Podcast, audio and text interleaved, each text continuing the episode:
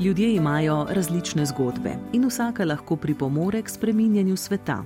Da ne bi ostale prezrte, jim je treba nameniti pozornost, meni Mitja Tretjak, novinar primorskega dnevnika in radijski voditelj. Pred leti je na koperski televiziji vodil tudi oddaji Brez meje in Sprehodi, ki je nastala iz poglobljenega razmisleka o novih dinamikah, ki zadnja leta nastajajo na obmejnem območju med Slovenijo in Italijo ne le o doživljanju čezmejnega prostora, temveč tudi o dogajanju v Ukrajini, ki se mu posveča v zadnjih mesecih, bo tekla beseda v nočnem programu iz studia Radia Koper po polnoči.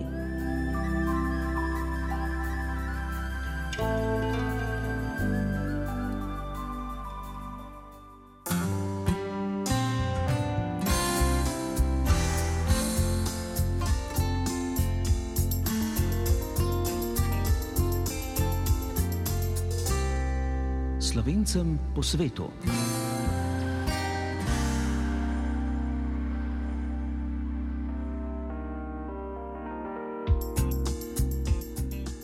Lepo pozdravljeni, dragi prijatelji naše oddaje, tako po svetu kot doma.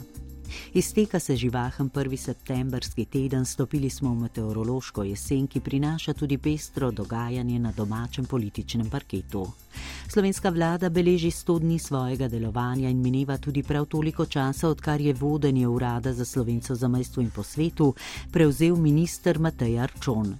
Z ministrom Arčonom se bomo pogovarjali o ključnih prioritetah urada takoj po uvodu. Odpravili pa se bomo tudi v Španijo in gostili učiteljico slovenskega dopolnilnega pouka v Madridu, Patricijo Tomšič. Podali se bomo tudi v svet glasbe, natančneje petja, o izraznem petju bo tekla beseda z Danielo Bajuk iz Argentine. Nekaj več pa boste izvedeli tudi o slovenskem otroškem pevskem zboru Škrjančki iz argentinske Mendoze, ki bo prihodnji teden začel gostovanje v Sloveniji.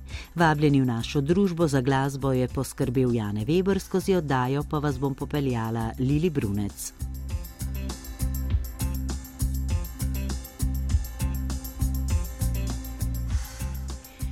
Začenjamo v Ljubljani. Včeraj je minilo 100 dni, odkar je minister Matej Arčon prevzel vodenje urada vlade za slovenco za majstvo in po svetu. V dobrih treh mesecih se je prek video povezal srečal s predstavniki slovenskih skupnosti v Evropi in drugot po svetu. O spoznanjih na teh srečanjih in ključnih prioritetah urada se je z ministrom Arčonom pogovarjala Mateja Železnikar. Začela sta s prvimi vtisi. Ja, v bistvu sem zelo zadovoljen. Prvič zaradi tega, da smo na nek način se spoznali, da smo ocenili, kakšne so tiste ključne prioritete, ki jih bomo v naslednjih letih naslavljali. Zagotovo je rdeča nit slovencev po svetu, pa tudi v zamejstvu je učenje in znanje slovenskega jezika, ki je seveda temelj vsega in tudi podlaga za naše kulturno sodelovanje, sodelovanje na področju gospodarstva, kjerkoli pač že. Izzivi so pa seveda tudi na drugih področjih, na vračanje mladih nazaj v matično domovino, na krepitvi gospodarskega sodelovanja, tako da to so ene ključne prioritete za naslednje obdobje. No, omenili ste vračanje mladih v domovino, to je, si predstavljam, kar zahteven izziv. Ja, to je zelo zahteven izziv. Mi imamo srečo, da imamo uh, društvo Vtis, to so mladi izobraženci, ki so zelo dobro povezani preko zelo zanimive platforme. Uh, seveda ni enoznačnega odgovora, kaj je tisto, da se bo nekdo mlad izobražen vrnil v svojo domovino. Uh, lahko je to ljubezen, lahko je tudi uh, rekel, nostalgija. Uh, uh, to pomeni, da je največji izziv na vladi, da detektira tiste eh, ključne elemente, ki bo pritegnili mlade nazaj. Lahko so tudi to stanovanjska politika, eh, ki največ, bom rekel, o kateri se največ govori. Eh, ni pa samo to. Nekateri mladi tudi poudarjajo do kulturno življenje v kraju, v katero ponovno prihaja. Tako da se pravi, velik izziv bo tudi za naš urad in se ekipirati, da bi bili res ta most med, med organi, državnimi organi in njimi, ko se vrnejo nazaj, da jim nudimo v support, kaj potrebujejo, ko se vrnejo v svojo matično domovino. A načrtujete na tem področju mogoče tudi kakšno strategijo ali je to še prezgodaj govoriti o tem? Neko analizo stanja, ki je bila že narejena, s tem bi jo seveda nekoliko osvežili. Uh, jaz bi rekel bolj smernice, uh, ki bi bile pomembne, uh, bi, o katerih bi se pogovarjali, na kakšen način se lahko vrnejo nazaj.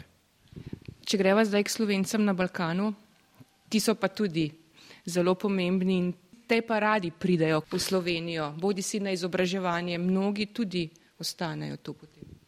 Ja, zagotovo so interesi uh, različni. Opažam, da se te bližnje države, uh, vsekakor jim je pomemben stik z matično domovino, uh, pridejo na razne prireditve, na razna izobraževanja, nekdo pa seveda tudi išče svoj neki ziv ali pa ji predstavlja matična domovina okno v svet, da potem gre tudi na, na, druge, na druga, druge države, recimo, ne, iskati neke svoje izzive. Ampak, če ostaneva pri slovencih na Balkanu, kaj je za njih največja težava ta hip, glede na to, da ste se pogovarjali tudi z njimi, vaša državna sekretarka jih obiskuje? Uh, je, seveda je uh, slovenski jezik, je številka ena. Uh, nekateri na Balkanu poudarjajo o pridobitvi državljanstva, z katerega uh, kolena se uh, imaš pravico do državljanstva, ker je pridobiti državljanstvo za nek velik pomen tudi za potem nadaljno njihovo pot. Ne? Tako da to, ta dva elementa sta rekel, pod številko ena in dva. No, ker ravno pridobitev državljanstva je eden od problemov, ki se vleče že kar precej let.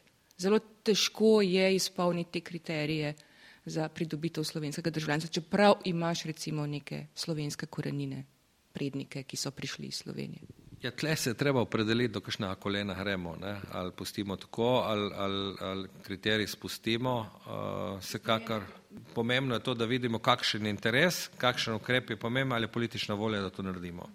O tem si predstavljam, boste najbrž pogovarjali se tudi s pristojnimi na notranjem ministrstvu. Ja, to je stvar uh, seveda najprej opredelitve našega stališča kot urada in to zagovarjati s pristojnimi ministrstvi. Ja. Stališče ste že pripravili zdaj? Za enkrat ne, mi smo si prav teh sto dni vzeli in tudi kašen mesec več, lahko rečem, da dejansko spoznamo vsa področja, uh, tako da, da si nekako naredimo akcijski plan za naslednje štiri leta. Glavni izzivi pri delovanju in povezovanju slovencev zunaj z matico, v vašem mnenju, kaj so ti ključni izzivi? Ma, jaz mislim, da smo slovenke in slovenci zelo povezani. Eh, če kaj dobrega ta korona prinesla, je prinesla to virtualno uh, povezovanje in to se je izkazalo kot zelo pozitivno, da so se nekatera društva uh, tudi uh, naprimer iz Nemčije, ker so velike razdalje uh, med seboj lahko um, spoznali prvič in tudi izmenjali neke področja delovanja, neke ideje ali organizacije nekih dogodkov, um, mogoče kaj je tisto, ki mlade pritegne v, v, v delovanje neke organizacije slovenske. Uh, tako da ta izmenjava izkušenj preko virtualnega sveta je zelo pozitivna. Pa tudi imamo tudi primer učenja slovenskega jezika eh, preko video eh. Tako da je eh, ta del zelo pozitiven in uh, meni se zdi uh, res zelo dragoceno, da ohranjamo tudi ta, na tak način uh, stik, čeprav je ta m, pristen fizični stik zagotovo najboljši. Gospodarsko sodelovanje. Slovenci, ki živijo po svetu, so idealni za krepitve gospodarskega sodelovanja z državami, v kateri živijo. Ne? Se motim? Ne, to absolutno drži. Uh, tudi, da so Slovenci tisti, ki lahko pomagajo, odprejo vrata z raznimi nasveti uh, našemu gospodarstvu, je zelo dragoceno. Uh, mi si želimo, da se bi tega posluževali vse več. Uh, Eh, vsekakor pa uh, se mi zdi, da moramo narediti najprej domačo nalogo doma. Imamo različne zbornice, nekaj se pele preko zunanjega ministrstva, neko preko nas, neko preko ministrstva za gospodarstvo, gospodarske zbornice, tako naprej. Uh, tako da ta zadeva se mi zdi, da je zelo pomembna, da se doma poenotimo. In hkrati, da uh, krepimo te stike in ustanavljamo te gospodarske zbornice slovencev uh, po svetu in začnemo z nekim uh, strukturiranim sodelovanjem in povezovanjem. To bo kar ena od prioritet za naslednje štiri leta, poleg, kot se že omenja, slovenski jezik, vračanja mladih in na zadnje tudi digitalizacija. Za konec, če uh, rebalans proračuna bo kakorkoli uh, vplival tudi na prihodke za letos, če se ne motim, je 10,7 milijona evrov predvidenih, za prihodnje leto pa kar 11,3 milijona, kar je največ doslej. Ja, proračun ocenjujem, da bo stal uh, enak uh, v naslednjih letih, uh, mogoče 24-25 pa računa, da bi se še povečal. Uh, predvsem zato, ker bomo eh, kot urad na nek način vključeni tudi v Evropsko prestolnico kulture 2025 v Novi Gorici in takrat si želimo uh, imeti neke aktivnosti, uh, predstaviti neko sodelovanje vseh društev na kulturnem področju, slovenskih društev iz zamestva in po svetu. Hkrati narediti največje srečanje slovencev izven meja eh, in eh, določene dogodke, razne konference, tako da tisto leto računam, da se bo proračun urada eh, bistveno povečal. Minister za slovencev za mestvo in po svetu Matej Arčon, hvala za pogovor. Hvala tudi vam.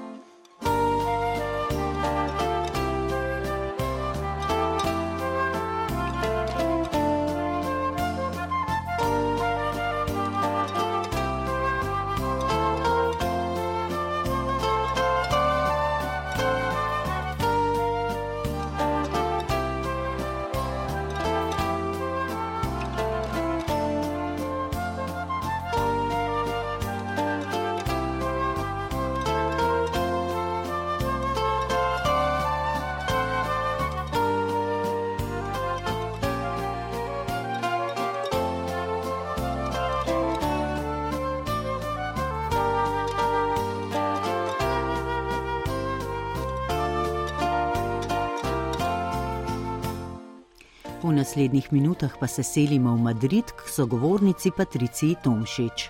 V španski prestolnici živi pet let in je nad njo navdušena, kot pravi namreč Madrid ponuja nešteto možnosti za preživljanje prostega časa. Španci so zelo sproščeni in v primerjavi s slovenci zelo glasni. Poletja v Madridu so zelo vroča, tam močno pogreša predvsem slovensko naravo. Patricija Tomšič v Španiji sicer otroke poučuje slovenščino v okviru slovenskega dopolnilnega pouka. Na nogometne tekme ne hodi in Jana Oblaka tako še ni videla igrati, je pa povedala, kakšna nogometna euforija je v Madridu ob tekmah Reala in Atletika. Patricijo Tomšič je v Madrid poklicala Živa Trček. Pogovor ste začeli z vprašanjem, kako to, da si je za življenje izbrala prav Madrid. V Madridu živim že pet let. Prišla sem sem v bistvu iz osebnih razlogov. Moj partner je španec in uh, živi že v Madridu vrsta let. In v bistvu, ko ste se odločila, pač kako nadaljevati najno uh, življenje, sem videla, da bistvu, je mogoče najlažja opcija za oba, da pridem v Madrid. Saj sem že poznala jezik, drugače sem študirala španščino in geografijo na Univerzi v Ljubljani in ravno to poznavanje jezika je potem, mislim, da tudi zelo pomagalo pri najni odločitvi, da pridem v, v Madrid. Torej, pravzaprav možnosti, da bi bilo obratno, ni bilo. Ne, ne. Tudi iz uh, službenih razlogov njegovih, ne.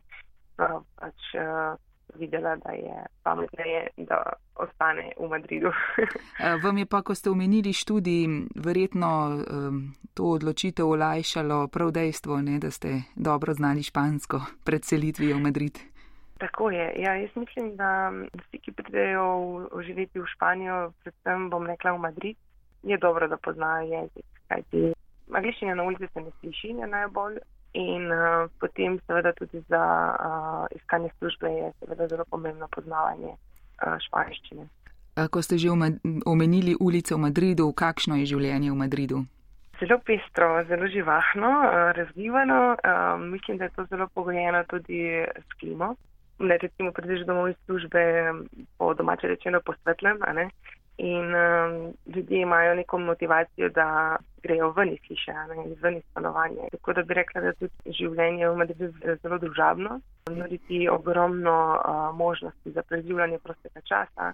Ljubitelji kulture bodo tukaj našli uh, uh, muzeje, galerije, gledališča. Ljubitelji nočnega življenja imajo ogromno opcij. In uh, to, kar je mogoče meni najbolj všeč, je to življenje v velikem mestu, zdaj um, tukaj v Madridu, um, vidim, da lahko si to, kar si. Se ne obremenjujejo s tem, kakšni so? Mogoče, ja, ljudje se ne obremenjujejo s tem, kakšni so na zven, koga ljubijo, um, ni pač te obremenjenosti. Svoboda izražanja je pač ena izmed tistih stvari, ki mi najbolj všeč tukaj. Prej ste omenili dolge dneve, veliko sončne svetlobe in to, da se ljudje tudi v popovdanskih in večernih urah radi družijo. A je torej res, da se, da se delovni dan v Španiji začne pozneje kot recimo pri nas in da Španci pozno hodijo spat? Ja, torej, odvisno je od delovnega mesta, seveda pa narave tvojega dela. Zdaj iz vsemi izkušenj lahko govorim, da na pisarniško delo mogoče se začne okrog 9. zjutraj, če si srečneš mogoče ob 10. čeprav to pomeni, da boš tudi kasneje prišel domov in se zaključi okrog 6-7 ure popovdan. Delovniki so dolgi, zato ker imajo španci čas za kosilo nekje od ene pa do dveh ur. In uh, to pomeni, da um, sicer to je neplačano tudi, ne? in to pomeni, da tam zgubiš kar lep čas in uh, se pravi, preživiš cel dan zunaj. Ne?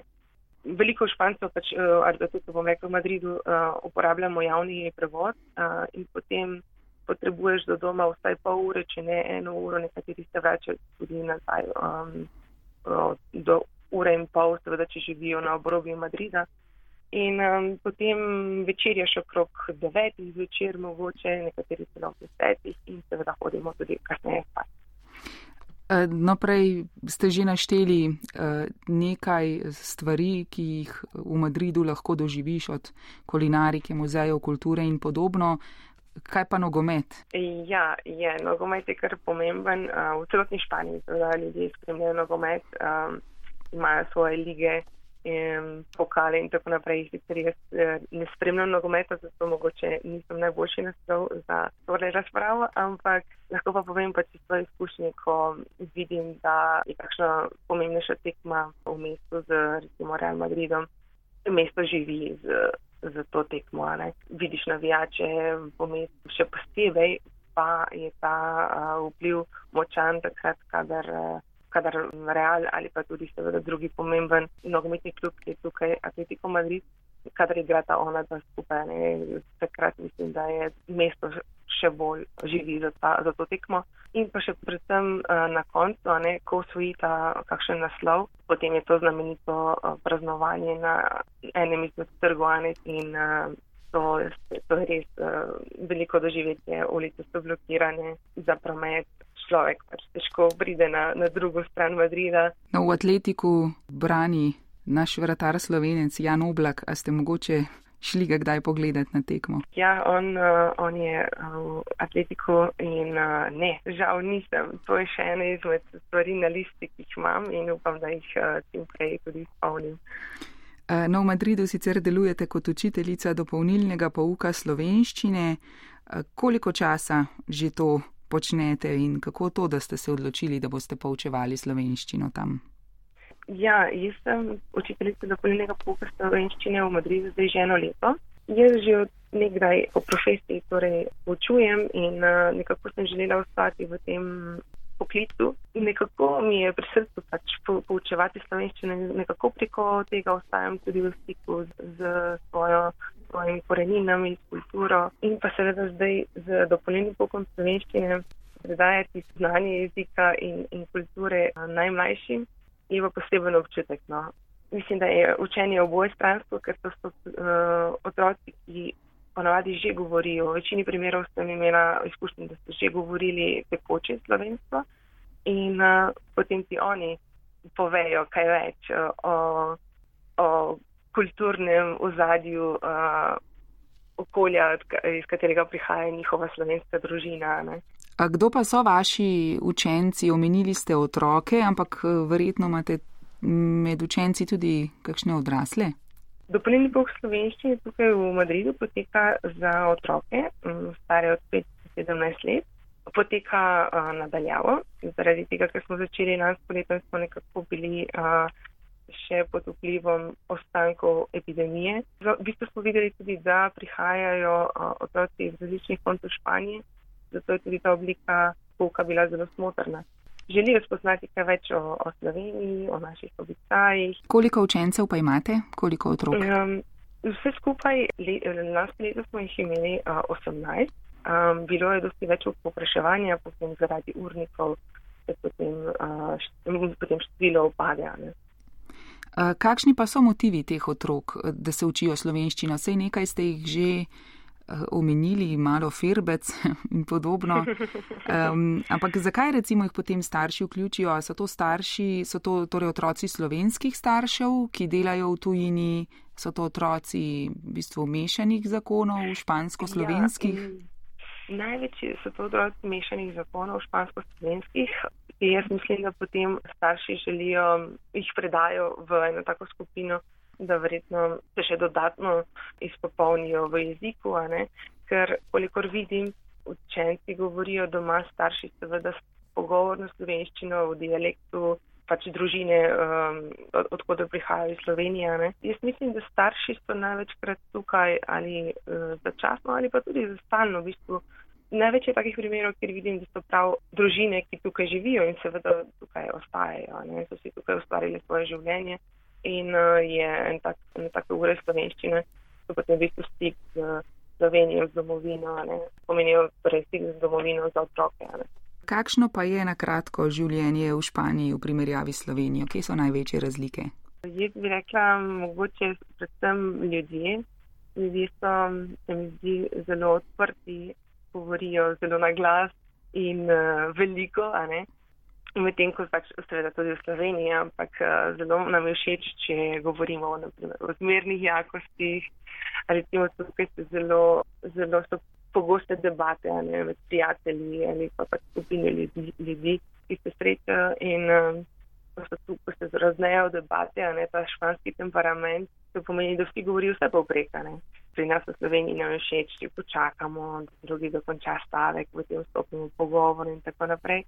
Potem druga razlika so seveda drugi urniki, kot so se že pogovarjali, ne, da se dan mogoče začne kako urto kasneje kot v Sloveniji in tudi konča kako urto ali dve kasneje. Um, zdaj sama največje razlike vidim, um, tem, ko sem postala mamica, um, so pogoji v bistvu za družinsko življenje mi zdi, da je malček težji tukaj kot v, v Sloveniji. Samo menim, da tukaj porodniška uh, traja štiri mesece, tako da kar se tega tiče, kar težko usklajevati potem družinsko uh, življenje in delo. Mogoče socialni del, da se mi zdi, da v Sloveniji imamo bolje poskrbljeno za vsakega, ne, kar se tiče zdravstvenega zavarovanja, uh, socialnega zavarovanja, kot pa tukaj, recimo, ko že tak ena malenkost, recimo, ne vem, zobozdravnik, ki ne pripada kot del javnega zdravstva. Ne. Takšne stvari, no, pač eh, socialno življenje se mi zdi, da je dosti, dosti bolje poskrbljeno v Sloveniji. Kaj pa najbolj pogrešate, ko ste tam? Najbolj pogrešam seveda ljudi, družino, prijatelje, potem pogrešam tudi kakšno dobro hrano, tipične uh, slovenske sestavine in tipične slovenske jedi in naravo. Pač to dostopnost narave, ne, ki jo imamo, tudi če živiš v Ljubljani, si zelo hitro v gozdu. Bom rekla, da je to na pravem gozdu. Jaz pravim, da pač tukaj parki, ki so, so vse lepo in prav, ampak meni delujejo umetno. Pa samo še nekaj glede na to, da se končuje poletje. Kakšno je bilo to poletje v Madridu? To poletje je bilo zelo vroče. Vem, da smo zabeležili cel juni z temperaturami tam od 38 do 40 stopinj. To pomeni, da so ljudje večinoma časa potem v stanovanjih za klimo, tisti, ki lahko si to privoščijo, tisti, ki ne, potem si lahko predstavljamo, da m, mm, preživljajo m, mm, zelo težko poletje marsikdo potem seveda tudi pobegne, ne, če si lahko to prevošči, seveda z dopusti. Tak je bil tudi avgust, no. uh, mogoče malo nižje temperature, ampak ne kaj nižje od 35 stopinj, bom rekla, uh, čez dan. Podnebne spremembe so če dalje uh, bolj nazorne in nas v bistvu presenečajo, tako poleti z visokimi temperaturami, ekstremno visokimi temperaturami, kot po zimi, potem z drugimi ekstremi smo imeli leta 2021 uh, z znamenito Borarka Filomena, kjer smo imeli štiri dni kolapsa v Madridu zaradi eh, močnega sneženja, vetrov in deževja. Ja, se, bom... problem. se bomo slišali po zimi, pa bomo preverili še enkrat, ja, kakšna lahko. je zima. Eh, Patricija, najlepša hvala vam, pa lep pozdrav v Madrid in srečno, seveda. Hvala lepa, lep pozdrav tudi vam v Slovenijo.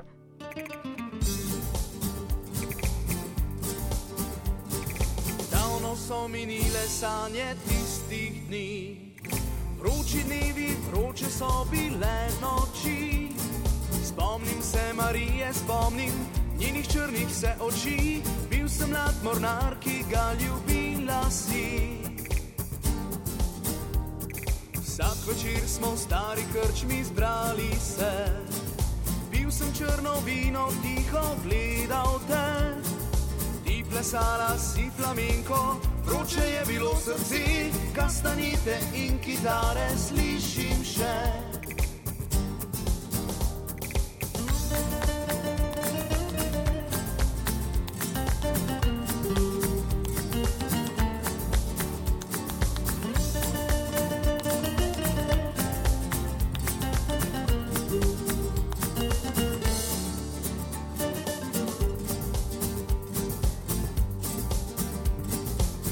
Sva v nočih ob morju sanjala.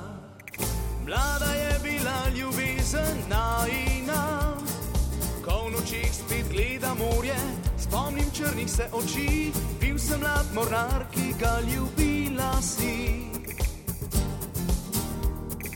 Eno lepo letje nama Bog je dal, če verjel bi v usodo, bi ostal a mladosti veter daleč, preko morja me je gnal, tu zavedno brez ljubezni sem ostal. V zadnjem delu oddaje pa še svet glasbe. Glasbena matica v Ljubljani je 2., 3. in 4. septembra organizirala seminar Svobodno telo za izrazno petje. Avtorica seminarja je Daniela Bajuk iz Mendoze v Argentini, ki jo je pred mikrofon povabil Jurek Čokal. Seveda ga je najprej zanimalo, kaj izrazno petje sploh je. Izrazno petje je za me tisti, ki pride iz srca, nekaj hoče povesti drugmu, ne? da drugmu čustveno prizadene. Kako do tistega izraznega petja pa prideš, je pa velik poti do nje. Ni samo ena, edina, jih je velik. In to lahko vsak človek doživi, samo je treba znati ga eh, spremljati v to pot. Ne? Zato, ker vsak inštrument, vsak pevc je en inštrument, ki je edini, eden sam to čutne. Jaz ne morem čutiti to, kar ti, nisem ti, ti pa nisi jaz. Pravzaprav vsak pevc je svoj profesor, ker on se pozna in on ve, kaj mu je prav, pa kaj ne. Eden pa lahko oduzuni samo posluša, pa gleda in pomaga. Ne? Poskusi to pot, poskusi drugo. Ampak eh, v bistvu je to, da srce me lahko govori, poje in kaj drug mu pove, in tista drug bo imel en, en doživetje. Ne? Doskrat mu poslušamo kakšnega pevca, ki zelo lepo poje, ima krasen glas, ampak mi nič ne pove. In zato je za moje mnenje naš inštrument, ki je telo zelo važen, ga aktivirati ne, energetično. Glas ni samo od ustih na ven, je nekaj veliko bolj. Bi lahko recimo rekli, da je to govor naše duše? Ja, seveda. Je vrh globoko, ne? Samo lepe note pet, pa, ali pa lep glas imeti, ampak je treba tudi kaj povedati. In telo pa pomaga no, pri tem. In kako se lahko naučimo take tehnike petja?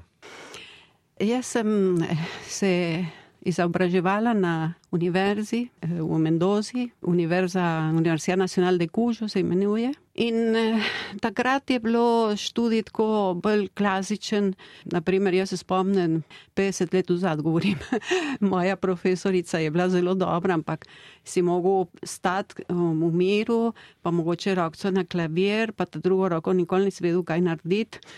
In pet. To je bilo vse. Pol so leta šli naprej in enkrat sem imela en koncert in sem povabila ene prijatelje, ki so bili pa igravci.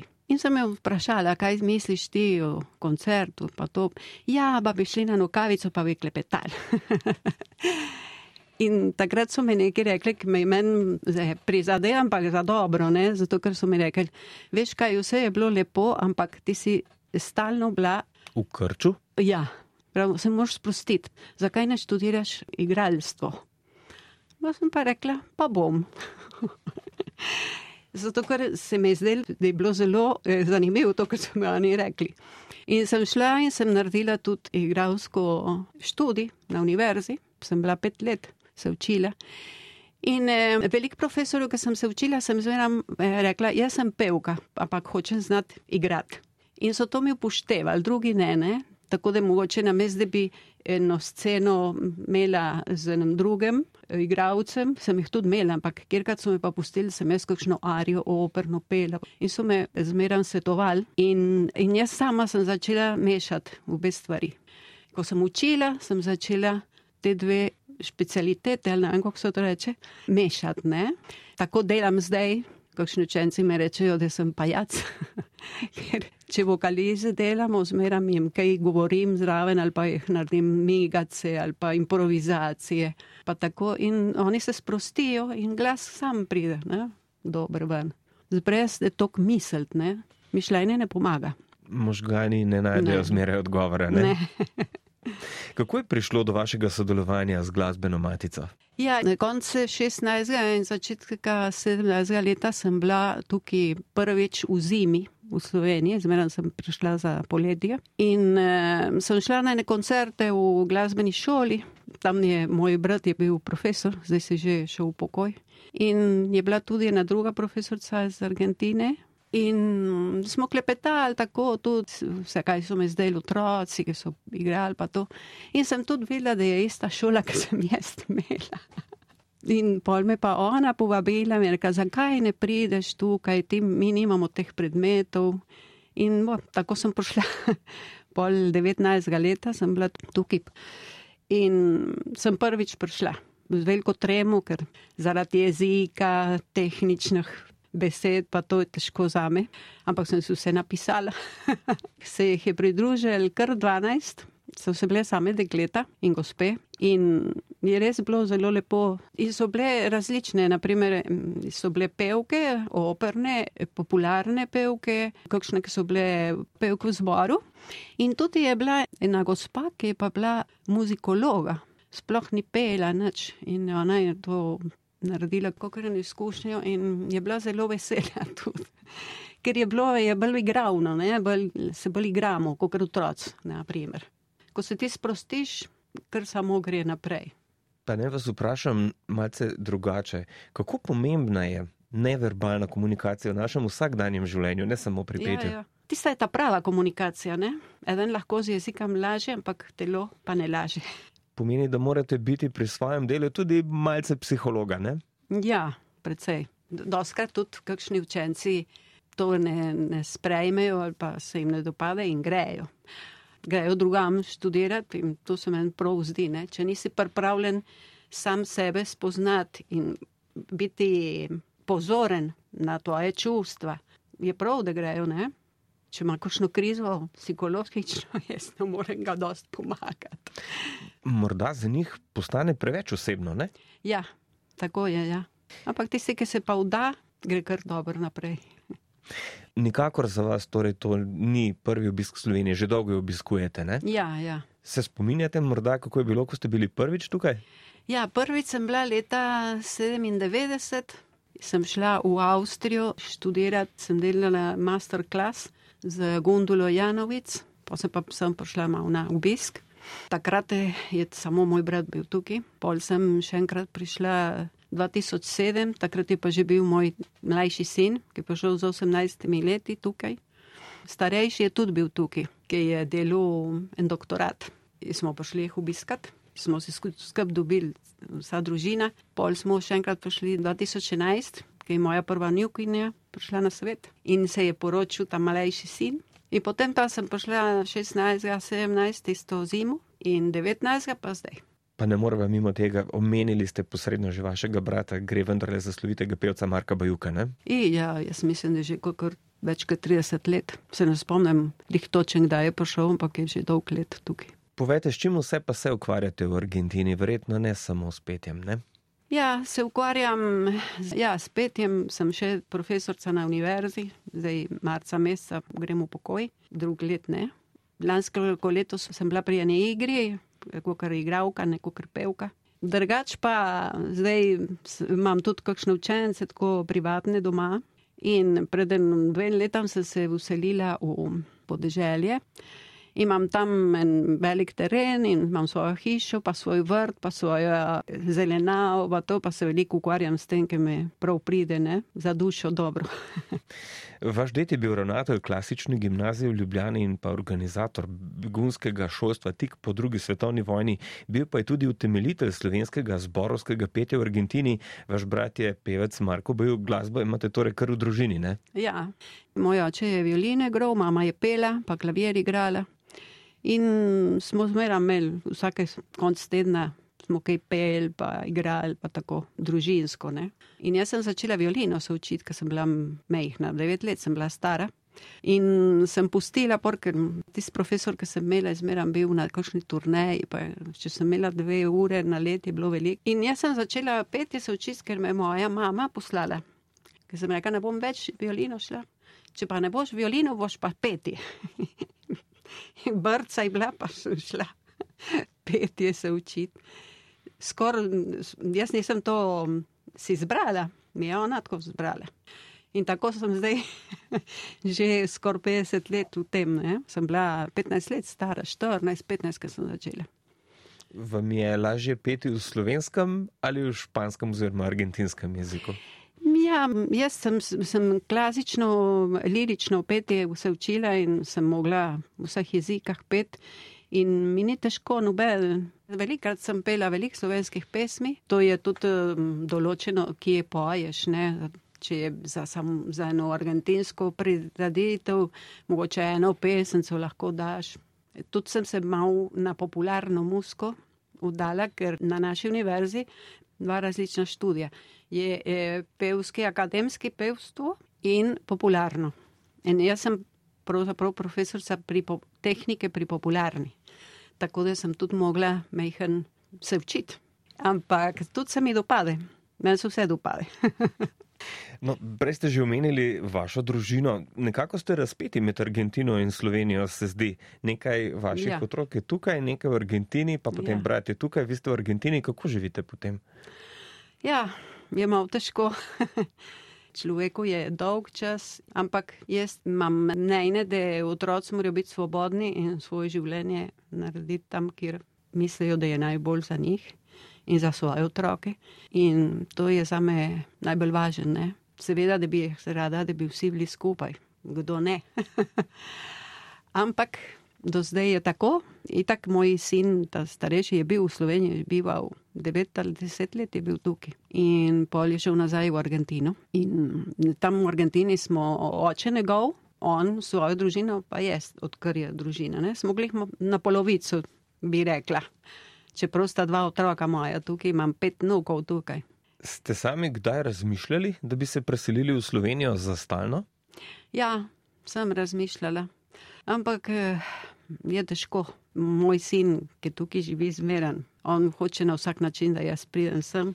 Ampak je težko, ker jaz bom imela za upokojino v, v Argentini, sploh ne kupem nič tukaj. Naprimer, mogoče jaz služim zdaj 150 evrov. S tistem živim tam, ne? skoraj bi živela. Ne?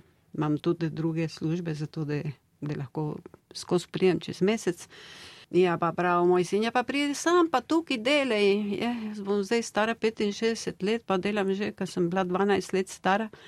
Malo hočem tudi druge stvari živeti, pa nikoli ne bi nehala delati, ampak ne za preživljati se tako, da bi mogla ja ali pa ja nekaj narediti. In ne bom pa sem prišla tudi na živeti od dela od mojih otrok, ki oni imajo tudi svoje družine, imajo tudi svoje stvari. Ne? To pa meni ne gre. Imamo na turnejo s tem zborčkam, ki so otroci, so vsi bratranci pa bratje, škarjančki se imenujejo. In imamo en program, mehen program koncertov, tako da sta vsi lepo povabljeni. Ta zborček je babica, dirigira pa tudi naredila, da so svoji vnuki, ki so že tretja ali četrta generacija, ki so Argentinci, so tudi mešani, imajo, mogoče oče je slovenc, pa mama Argentinka, pa tako. Njih je skrb zbrala, da, da pojemo slovenske pesmi, malo slovensko kulturo naprej delujemo. Meni se pa to tako fejsti, da ko me je ona povabila, če bi jaz sodelovala ne, z njenim zborom, sem predvsej rekla, da ja, ker se mi je zdelo zelo lepo. Prav gotovo boste te lepe stvari počeli še dolgo. Daniela Bajuk, najlepša hvala za tale pogovor in kakorkoli se boste že odločili in kjerkoli že to bo, ne vas spremlja sreča vedno in posod. Hvala, hvala lepa.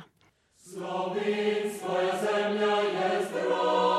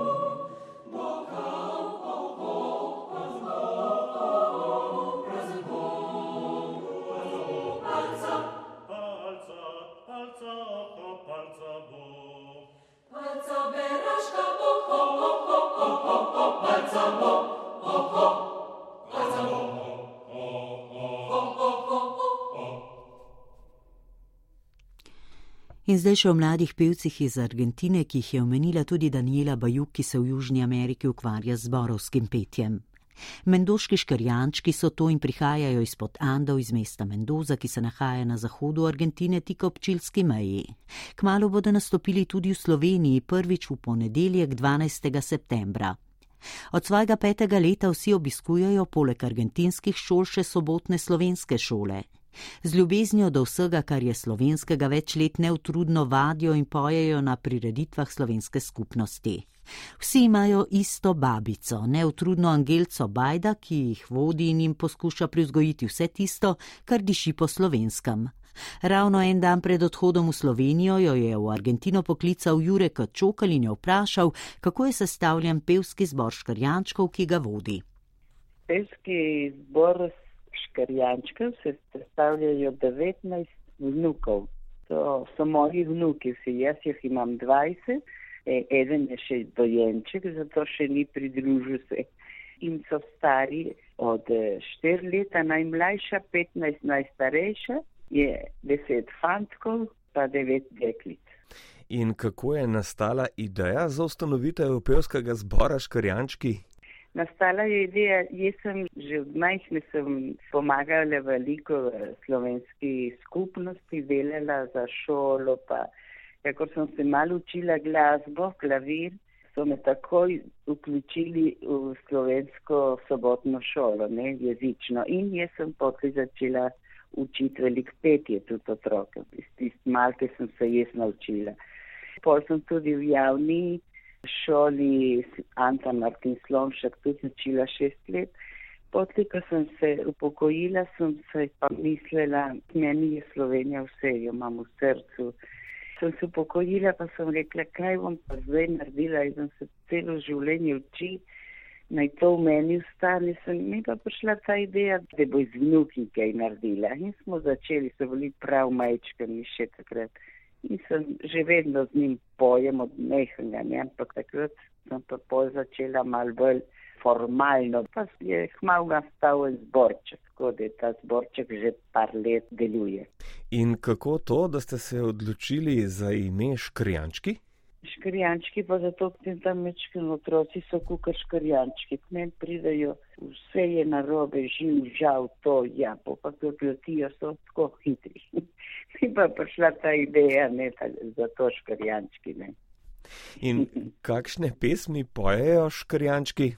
Jaz, ker eh, sem to slovenskega rodu, oni so rekli, pravijo četrta generacija, jaz rekla tretja rojena v Argentini tukaj v Argentini dobijo vse po špansko, ker je to naš jezik tukaj. Se pa rekla, dobro, če slovensko vojimo že to klet na oni tudi slovensko pojejo. In smo začeli slovenske narodne pesmi pojejo. Od dva se učita violino, enega učim na frajtorarcu, tako da je bolj dinamično zmeraj, ki imamo vaje. Ne. In oni nastopajo bolj enkrat na let, proti koncu leta naredimo kokukar koncert za slovensko in argentinsko publiko in se predstavijo. In ljudi so zelo navdušeni, zato ker pravijo take skupince od mečkega otroka naprej, pa da jih babica vodi, je to tudi zajle zanimivo, čeprav ne razumejo včasih vse. No, ravno to sem vas hotel vprašati, ali vsi otroci govorijo slovensko ali samo pojejo slovensko? Pojejo vsi, ampak govorijo nekateri dobro, drugi pa razumejo ker jaz imam štiri otroke in so poročeni vsi štiri, eden se je poročil slovenko, slovenskega rodu, drugi so pa iz Argentincem, ne, potem je pa bolj težko to tu. Ampak jaz od mehnega jim zmerem govorim slovensko, govorimo ogromno Slovenijo, gledamo videe, tako skozi oni. Če jim kakšen vpraša, zakaj to, no pravijo, mi smo slovenci in se čutijo tako in radi pojejo slovensko. No in prepevajo tudi pesmi legendarnih avsenikov, ne samo narodnih pesmi, kako pa gledajo na to glasbo, jim je všeč, jim je zanimiva. Ja, zato da imajo tudi kaj drugega. No, se oni imajo v programu, pojejo tudi od avsenika, Miheliča, od slaka, pa ki igra na harmoniko, tudi vsega mal, ne. Z Andrejem Šifarjem tudi, on je nas obiskal tukaj takrat, ko so začeli učiti eno pesem pa jim je pasala dobro, pa so se naučili, da jih pa še eno, pa tako. Niso samo narodni slovenski, to je, rekla, bi bila baza, ampak pojejo tudi bolj moderne, bi rekla, današnje pesmi slovenske. Ja, in tako se je rodilo sodelovanje z Andrejem Šifrerjem, ki ga bodo škarjančki obudili tudi letos, nastopili bodo z njim v Kranju, ne? Ja, tako je. Bomo, ne bo on na svoj koncert, ampak mi smo malo povabljeni, bo rekli, bomo pa tudi par pesem zapeli. Kje vse boste letos škarjančki v Sloveniji še nastopili? V ponedeljek 12. bomo v celju, v Vojniku, bomo isti dan tudi zjutraj peli v enem zavodu za ostarele, ki je svet Jožef zjutraj, popolne bo v Vojniku, potem bodo peli 16. v Lukovci, ker jaz eh, imam vse sorodnike tam, ker eh, moj oče in mama sta iz tistega kraja, mama je iz prevoja doma, ta pa iz zimovce. Tako da večina sorodniki so tam še ostali, ne, in zato bo pa tam koncert. Pol bo tudi v Škofovih zavodih. Mi smo bili povabljeni preko Slovenije v svetu že lansko leto in zaradi COVID-a nismo mogli potovati. So nas povabili, da se bodo ležili ob 30. obletnici samostojne Slovenije, zato ker tudi je bilo takrat zanimivo, da ti otroci pojejo slovensko, ki je že ta generacija. In kako se počutijo otroci, ko prvič obiščajo domovino svojih prednikov? Oj, otroci so vse iz sebe. Danes grejo zadnji dan v šolo, ker mi jutri za vse zgodi že odletimo. To, to so navdušeni toliko, pa še, pa še. To rekla bi, če ta teden že lahko manjkajo v šolo, zato ker saj ta veliki so rekli, sploh se ne moramo v šolki učiti ali pa kje, zato ker imamo samo drugo stvar v glavne. To je za me tudi prvo, grejo v Slovenijo in jih zanima vse to, kar jim jaz zmeraj govorim, pa slike, pa video, pa jaz imam doma vse pripravljene stvari, sem že večkrat v Sloveniji, zmeraj kaj prinesem. Mi doma živimo kako Slovenci, ampak Slovenci mogoče stari Slovenci, kako je bilo včasih, to, kar so mama in ata mene naučili. Moj mož je tudi slovenskega rodu in eh, živimo tako, kako so starši naši učili in potem smo v skupnost slovensko hodili in tam smo se tudi več v Sloveniji naučili, pa jo imamo zelo radi. Za nas je Slovenija dom. Jaz se čutim slovenka, rojena v Argentini. In tako, gospa Angelca Badena, tudi ostane. Hvala, ker ste pevovodja pevskega zbora Škrjančki, hvala za širjenje slovenske pesmi po svetu in seveda hvala za tale pogovor in veliko sreče pri vašem delu še naprej. Vsem škrjančkom z vami na čelu pa dobrodošli v Sloveniji. Hvala lepa. Če bo kdaj, se bomo pa videli čez nekaj dni. Kaj mi poje ptičica, ptičica sinička, dobra volja je najbolja,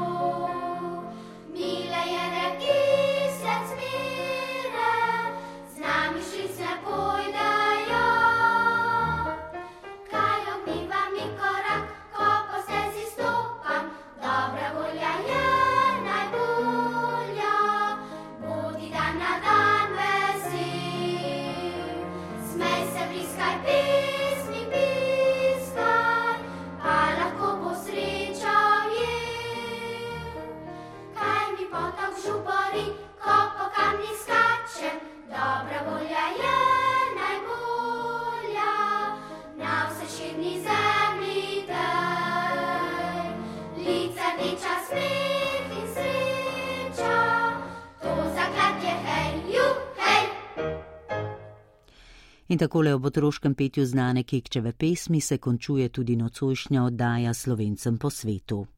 Pripravili smo jo Mateja Železnikar, Živa Trčak, Jurek Čokal in Lili Brunec, glasbeni okvir je dodal Jane Weber in tonsko podobo Damjan Rostan. Oddajo lahko ponovno poslušate na spletni strani prvi.rtvslo.si, dostopna pa je tudi v podkastu.